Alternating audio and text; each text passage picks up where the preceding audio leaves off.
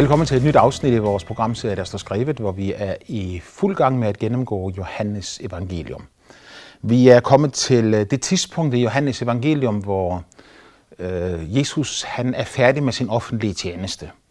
Øh, vi er lige før påskehøjtiden, faktisk bare natten før Jesus han kommer til at blive forrådt. Og her er Jesus i gang med en utrolig interessant tale, eller samtale må vi vel hellere sige, med disciplene. For det var ikke envejs kommunikation, hvor Jesus han talte til dem, og, og de sagde, jeg lyttede, men de stillede spørgsmål, og Jesus svarede på disse spørgsmål. Vi så i vores sidste program på, hvordan at, at Peter han siger til Jesus, når, efter at Jesus har sagt, at, at derpå skal alle kende, at I er mine disciple, at I har indbyrdes kærlighed, og han siger, nu går jeg bort fra jer, og hvor jeg går hen, der kan I ikke komme. Så reagerer Peter på det, og så siger han, herre, vi ved ikke, hvor du går hen, så øh, øh, jeg vil følge dig, uanset hvor du går hen, Jesus. Hvor går du hen? Og Jesus han svarer ham igen og siger til ham, at du vil fornægte mig, før hanen galer, vil du fornægte mig tre gange. Og så kommer han med nogle meget trøstende ord, fordi han siger til Peter, og han siger til de andre disciple, jeres hjerte forfærdes ikke. I tror allerede på Gud, tro nu også på mig. Og så fortæller Jesus dem om faderens hus, hvor der er mange boliger, om himlen, der hvor Gud bor, Jesu hjemsted. Et fysisk sted langt derude i universet, hvor Gud har sin trone, og hvorfra han regerer alle galakser, alle universer, der findes øh, over det hele. Han er Gud overalt, fordi han er skaberen af alle ting. Og Jesus han siger, at jeg er gået der bort for at gøre en plads rede for jer. Og når jeg har gjort det, så kommer jeg tilbage igen øh, for at hente jer til mig, for at der hvor jeg er, der skal I også være. Og så slutter han af med at sige, og hvor jeg går hen, derhen kender I vejen. Det får en af Jesu disciple til, en af Jesu apostle til at reagere, nemlig, nemlig Thomas. Og Thomas han siger til Jesus, Herre, vi ved ikke, hvor du går hen. Hvordan kan vi så kende vejen? Og endnu en gang så ser du bare, hvor Bibelen er totalt ærlig, fordi Bibelen den viser mennesket i alle dets afskygninger. Øh, Thomas har vi jo mødt adskillige gange tidligere. Øh, vi kalder ham sommetider Thomas tvivleren, fordi at øh, det var den øh, af, de, af disciplene, som ikke var til stede første gang Jesus viste sig for hele apostelflokken efter sin opstandelse fra de døde. Og når de så bagefter fortæller Thomas, at vi har mødt Herren, vi har set ham ansigt til ansigt, han er opstanden, og han lever, øh, så ser Thomas på dem med stor skepsis i sine øjne, og siger til dem, øh, jeg vil kun tro det, hvis jeg får lov til at stikke min hånd ind i hans navlegab, min, min finger ind i hans navlegab, og min hånd ind i hans side. Kun da vil jeg tro på det, som I siger.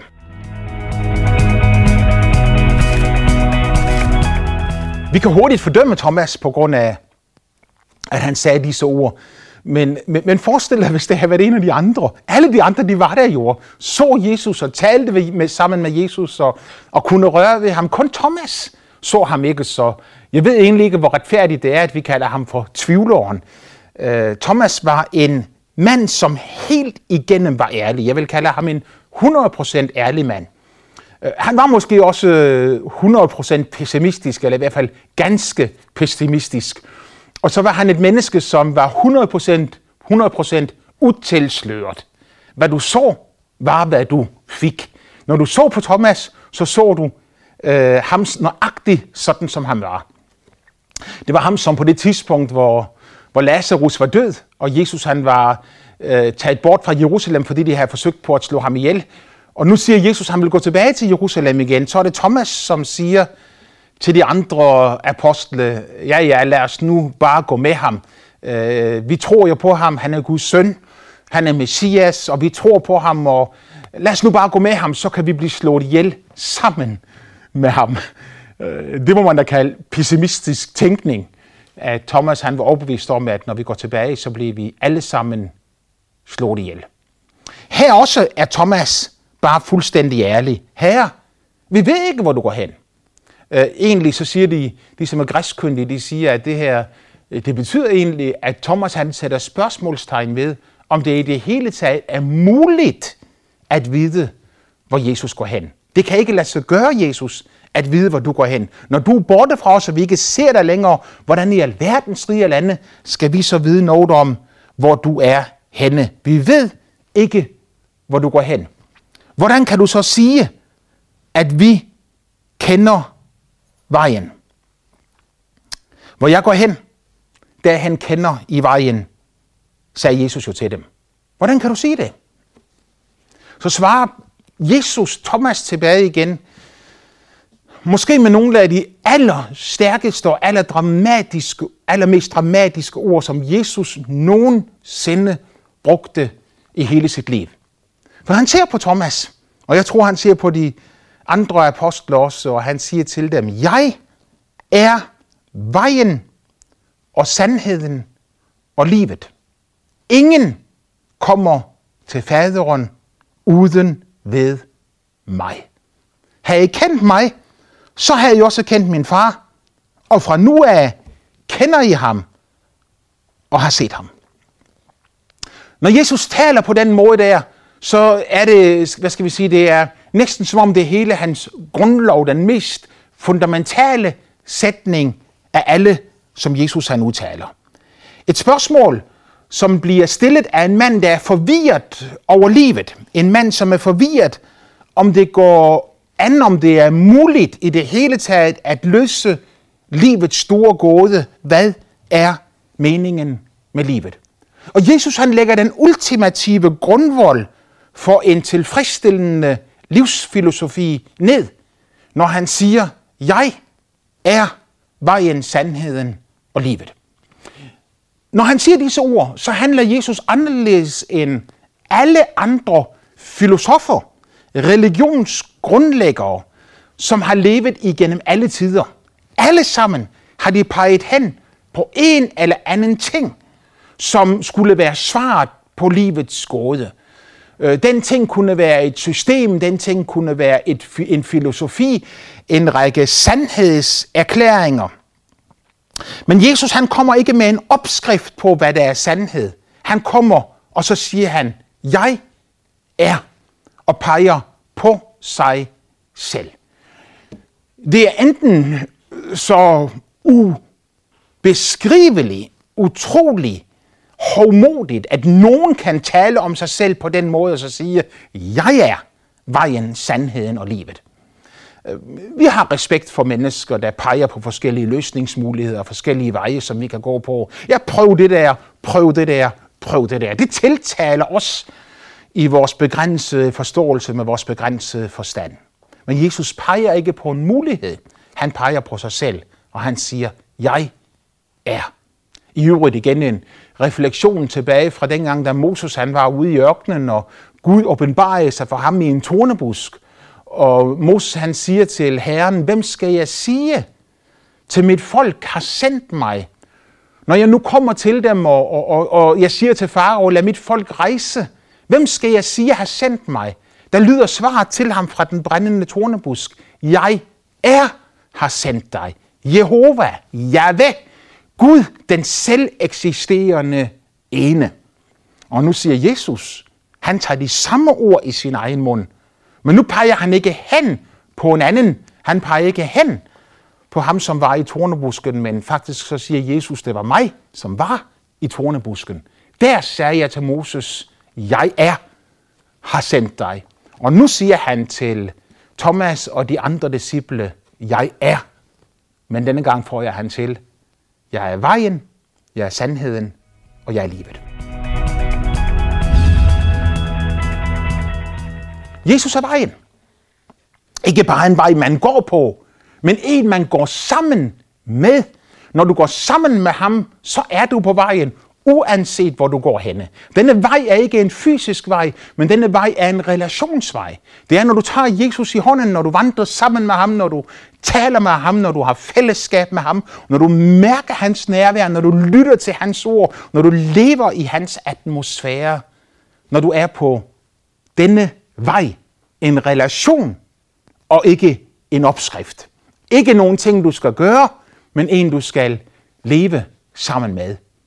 Det er, hvad Jesus siger om sig selv. Jeg er vejen. Han fortsætter med at sige, jeg er sandheden. Han siger ikke, jeg er én sandhed blandt mange sandheder. Vel, hvilken en du vil tro på. Øh, egentlig så forsvinder sandhed jo i det øjeblik, du begynder at sige det. Fordi hvis sandhed er frit valg, og hvis det er sådan, at fem mennesker de kan vælge at tro på én ting, og fem mennesker kan vælge at tro på det, de er mentalt modsatte, og vi så vil begynde at påstå, at de begge to har rigtigt, fordi vi jo er så begrænsede, så har vi gjort sandhed til et eller andet, øh, øh, som ikke er sandhed længere, men det er bare en mening, en overbevisning, en anelse, en teori. Jesus er sandheden. Han er den eneste vej til Gud. Han siger klart og tydeligt, ingen kommer til faderen uden ved mig. Der er ingen anden vej til Gud. Samtidig møder jeg mennesker, som siger, at alle religioner fører til Gud. Øh, det kunne ikke være længere bort fra sandheden. Øh, de fleste religioner fører bort fra Gud. Du kan ikke komme til Gud ved at forbedre dig. Du kan ikke komme til Gud ved at anstrenge dig. Du kan ikke komme til Gud ved at overholde en bestemt livsstil, have bestemte meninger og bestemte opfattelser eller foretage bestemte religiøse handlinger. Uanset om disse handlinger så er at give almisse, at bede, at gå i kirke, måske tempel eller hvor du nu måtte gå hen. Du kan ikke finde Gud, som du er i dig selv, for der er kun én vej til Gud, og det er Jesus. Enten havde Jesus ret, eller også tog han fejl. Hvis han havde ret, så er alt andet sort ved siden af ham. Hvis han tog fejl, jamen så findes der ikke længere nogen sandhed. Og i hvert fald så er alle kristne dybt bedraget.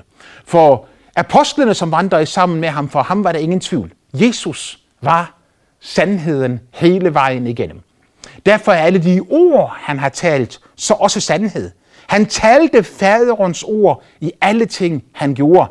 Han opfandt ikke sine egne filosofier og sine egne meninger, men han talte de ord, som faderen viskede ham ind i ørerne. Så når ordene gik ud over Jesu mund, så var det guddommelige ord, som var sandhed hele vejen igennem. Det er denne Jesus, som taler om, øh, om mørke. Det er denne Jesus, som taler om, at ingen kan tjene to herrer. Du kan ikke tjene både Gud og mammon. Det er denne Jesus, som taler om en ond magt, djævelen, som han så falde til jorden som et lyn, som er, er menneskers forfører, som går ud for at bedrage mennesker, som også var efter Jesus selv. Han fortælle os sandheden. Sandheden om, hvem vi er, sandheden om, hvor vi kommer fra, sandheden om Gud, alle ting skaber, sandheden om livets længde, at det er evigt, sandheden om denne planets eksistens, at det kun varer for en tid, for en dag kommer Gud til at skabe nye himle og ny jord. Fordi Jesus taler sandhed, så kaldes Bibelen for sandhedens ord. I salme 119, der siger David, summen af dit ord af sandhed. Og på den måde så beskriver han, at Bibelen ikke indeholder nogen fejl, men at Bibelen, hvis den bliver ret fortolket, altid vil, øh, vil, vil udstråle, åbenbare, ægte sandhed for alle mennesker. Da Jesus stod foran Pilatus, det kommer vi til øh, nogle programmer fremme, det, det sker om i kapitel 19. Når Jesus han stod foran Pilatus, så siger Pilatus til ham, hvad er sandhed?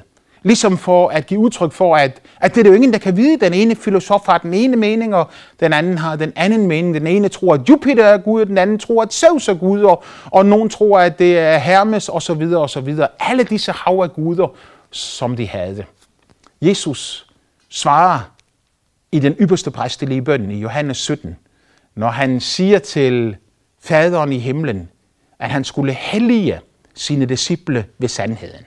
Altså han skulle lade, lade, lade, lade, lade, lade Guds nærvær, Guds kraft få lov til at gennemstråle deres liv. Han skulle lade Guds kraft få lov til at gennemarbejde livet hos de kristne, så de fik deres øjne op for, hvad der var sandhed. Hellige dem ved sandheden. Dit ord er sandhed, siger han til sin far i himlen. Det er derfor, at jeg føler mig i rigtig godt selskab, når jeg siger, at Bibelen er ikke bare en sort bog fra middelalderen. Den er faktisk meget ældre end den. Den er tusindvis af år gammel. Og Bibelen er skrevet af mennesker, som Gud inspirerede til at skrive sandhedsord ned. Og Gud vågede over øh, dette ord, da det blev skrevet ned, sådan så det, der blev skrevet ned, til sammen åbenbare, hvem Gud er, hans væsen, hans vilje, vejen til ham. Og Jesus siger, jeg er vejen, og jeg er sandheden. Han får jo også til at sige, at jeg er livet. Jeg vil gerne få til, at Jesus han er livet med stort el. I øh, nogle få kapitler tidligere i Johannes evangelium, nemlig i kapitel 10 og vers 10, der siger Jesus, tyven kommer kun for at stjæle og slagte og ødelægge. Jeg er kommet for, at de skal have liv og have overflod af livet. Guds ønske er, at du skal leve livet maksimalt. Jeg, jeg er ikke med på, at, at, at den, den, den tanke, den asketiske tænkning, at Gud han vil, at, at mennesket på grund af sit synd skal gå rundt og, og hænge med hovedet og, og sørge over sin synd og, og, og være dybt ulykkelig og, og, og græde af ulykke, fordi det har gjort forkerte ting. Min bibel fortæller mig nemlig, at Jesus han tog al vores synd på sig på Golgata kors at øh, han tog alle vores overtrædelser på sig. Han tog al vores skyld på sig. Fordi han gjorde det, så er vi nu fri.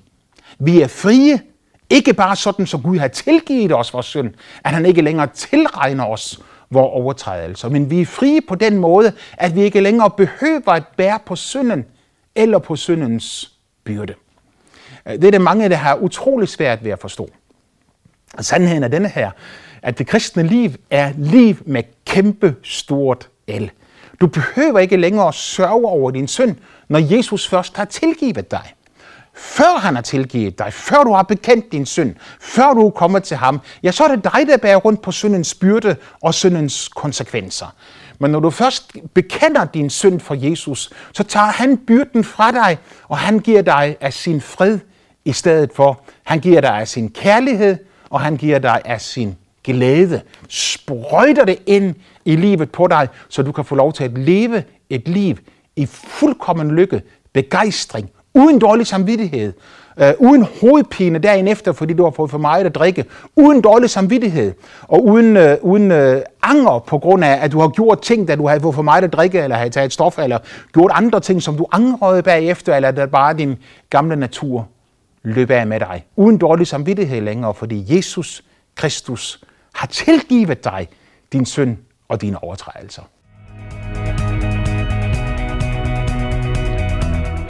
Øh, den måde, nogle mennesker behandler Guds tilgivelse på, øh, minder mig om manden, som havde øh, en hel masse kufferter. Øh, han har en kæmpe stor rygsæk på, og, og, og, og, og en taske over den ene skulder, og taske over den anden skulder, og et par kufferter i, i hver hånd, og han gik hen ad vejen der, og, og byrden var så tung og bære, at han kunne næsten ikke holde det ud. Så kommer der en mand kørende forbi i en lille lastbil, og han standser op og siger til manden, har du ikke lyst til at få en lift? Jo, siger manden, det ville da være dejligt. Så han springer af og sætter sig op på lastbilen. Øh, den lastbil havde ikke så stor en motor, så manden han blev ved med at holde alle disse øh, ting på sine skuldre, og den store byrde, som han var, den fortsatte han med at bære. Så ham, der kører lastbilen, han vender hovedet til ham og så siger, du kan godt lægge dig ned, nu sidder du jo på lastbilen, men manden han siger, jeg er bange for, at din bil ikke er stærk nok. Øh, øh, tænke dig, at øh, et menneske stadigvæk går rundt og bærer på den byrde, som Jesus har sagt, at du er fri for. Så længe vi går rundt og bærer på byrden og skal sørge over, over vores synd, og vi skal sørge over, hvor elendige mennesker vi er, hvor håbløse vi er, og hvor ubrugelige vi er, og hvor udulige vi er, og alt det der negative, som bare river ned og ødelægger. Så længe vi lever vort liv på den måde, så må vi jo gå rundt og hænge med hovedet. Jesus han siger, jeg er kommet for, at I skal have liv, og liv i overflod.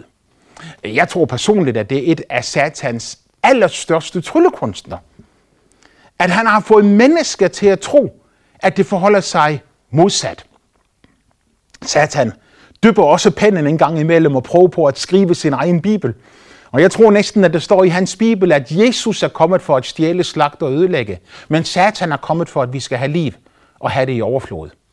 Øh, hvor han altså med andre ord siger, at øh, et menneske, der vil leve som en kristen, han kommer til at leve et kedeligt liv, et trist liv, et, et liv, øh, øh som er fuld af byrder og lov, og nu skal jeg det, og nu skal jeg det, og nu må jeg ikke det, og nu må jeg ikke det, og det hele er så besværligt, og nu skal jeg også huske, at jeg skulle også gøre det der, og så skulle jeg foretage den handling, og alle disse lovebud og regler, som bare knækker mennesket fuldstændig ned. Og Satan han har bildt mennesket ind, at det er, hvad kristendom er, så Jesus han kommer for at stjæle lykken og glæden fra dig. Han kommer for at slå ihjel, og han kommer for at ødelægge. Og så siger Satan, jeg er kommet for, at du skal have liv og have det i overflod. Og så prøver han på at inspirere dig til at være utro mod din kone, leve dit eget liv, øh, lad din egen navle være verdens centrum og leve for dig selv hele vejen igennem. Et hvert menneske, uden undtagelse, som har forsøgt at leve for sig selv, er vågnet op en dag med stor tomhed i deres liv. Hvis du lever for dig selv, og du aldrig er vågnet op på den måde, øh, og du siger, at det har du ikke ret i, Bruno, øh, så er jeg bange for, at du kommer til at vågne op en dag, og så opleve en kanonstor tomhed i dit liv. Mennesket, der lever for sig selv, har ingen fremtid. For der findes ingen ægte lykke, der findes ingen ægte frihed, der findes ingen ægte kærlighed, så længe den eneste, du elsker, det er dig selv. Kærligheden vokser, når du deler den ud. Når du begynder at give ud til andre, så begynder du at komme tilbage til dig selv igen. Det er som en tryllesten i hånden på et menneske. Når han bliver en giver, så virker det på den måde, at han får altid mere, end han giver. For det er særligt at give, end at modtage. Jesus han afviser hele dette øh, sataniske komplot om, at det skulle være kedeligt, håbløst og umuligt at være en kristen. Og han siger, jeg er vejen, sandheden og livet. Ingen, siger han, kommer til faderen uden gennem mig. Finder du Jesus, så har du fundet livet. Har du ikke Jesus, så har du ingenting. Der var en jødisk kunstner, det hed Brigitte Javari, som engang sagde, at livets største tragedie er ikke, at livet er så kort, det er, at det var så længe, før det begynder. Hun mente, at det begynder ikke før du finder Messias. Jesus er Messias. Han er Guds udtrykte billede. Efter at han har sagt til, til øh, Thomas, at øh, jeg var en sandhed og livet, så siger han til ham, har I kendt mig, så har I også kendt min far, og fra nu af kender jeg ham og har set ham. På den måde så gør Jesus sig selv gudlig. Han siger, jeg er Guds søn, jeg er Gud fra evighed af, og min kærlighed til dig, den er ubeskrivelig, ufattelig, og den er helt, hele vejen igennem. Jeg elsker dig, og jeg elsker dig med en evig kærlighed. Jesus er ganske enkelt den evige Guds billede. Han er aftrykket af Gud selv. Hvis du spørger om, hvordan er Gud, så er svaret, se på Jesus. Når du ser på Jesus, ser hvordan Jesus behandlede mennesker, hvad han gjorde med mennesker, så finder du ud af, hvordan Gud behandler mennesker, og hvad Gud vil gøre med mennesker.